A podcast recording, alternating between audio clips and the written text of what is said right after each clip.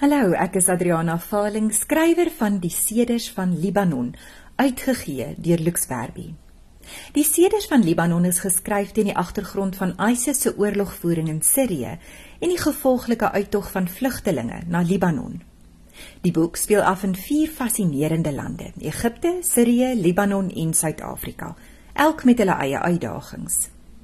Dit word geskryf deur die oë van vier verskillende jong mense van soortgelyke ouderdomme Elizabeth wat vrees vir haar lewe in Sirië, Pascal wat in Libanon die vlugtelinge wil help en Jasmine en Talita wat saam op skool is in Pretoria. Die series van Libanon is nie per se 'n jeugboek nie, hoewel ek hoop dat baie jong mense dit sal lees, maar dit is geskryf met die wete dat God die wêreld kan verander deur jong mense. Ek lees graag voor daaruit. Elizabeth, Raqqa, Sirië, September 2014. Dis 2 ure na middernag. Dis stil en sy behoort goed te kan vorder voor dagbreek. Mits alles goed gaan natuurlik.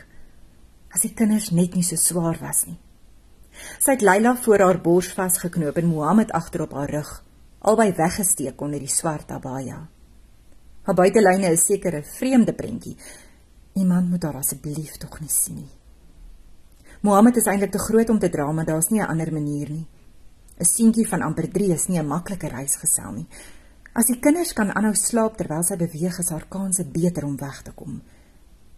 Die sak met basiese benodigdhede vir die pad het sy skuins oor haar skouer gehang, bo oor die hele pakkaas. Sy wens sy kon meer kos en water saamdra, maar sy het nie nog plek nie. Sy haal diep asem en maak die voordeur versigtig oop, kyk op en af in die straat. Sy is op haarself aangewese. Niemand sal haar help nie. Daar's in elk geval niemand op straat nie, net die nagwagte en skerp skutters. Sal 'n kopskoot werklik so erg wees? Nee, wat? Selfs die dood is beter as haar lewe nou. Sy tree katvoet in die stikdonkerte in en klik die deur agter haar toe. Die wagte wat die vroue dag en nag bewaak het in die woestynkamp, is minstens nie meer voor haar deur nie. Hier in Raqqa behoort die hele stad aan ISIS. Sy vertrek straat af en kies koers in die rigting van die verwoeste geboue.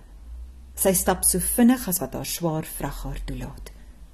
'n Knal laat haar vassteek. Dis geweervuur. Sy's hoendervleis tot op haar kopvel. Sy glip agter 'n vervalle muur in. Waarvandaan kom die skote? Sy staan roerloos en luister. Die klank kom van ver af, van iewers deur voor. Sy wag tot dit stil word. Hoewel haar oë gewoond raak aan die donker, kan sy nog bitter min sien. Haar moed wil wil haar begewe. Is die risiko nie net te groot nie? Nee, besluit sy. Haar haat is groter. Haat vir Galit en sy Daesh. Haar haat sal hulle moet dra. Hou aan beweeg, beveel sy haarself vinnig. Behoedsaam kyk sy eers heen en weer voor sy 'n straat kruis. Sy hardloop na die oorkant, waar sy haar lyf teen die muur van 'n gebou vasdruk, so styf as wat haar bagasie toelaat. Sy maak seker dat niemand haar gesien het nie. Haar asemhaling hyg in die stil nag. Sy moet wag tot dit bedaar. Paniek maak haar kort asem. Met een skuur iets teen haar been. Sy wil gil.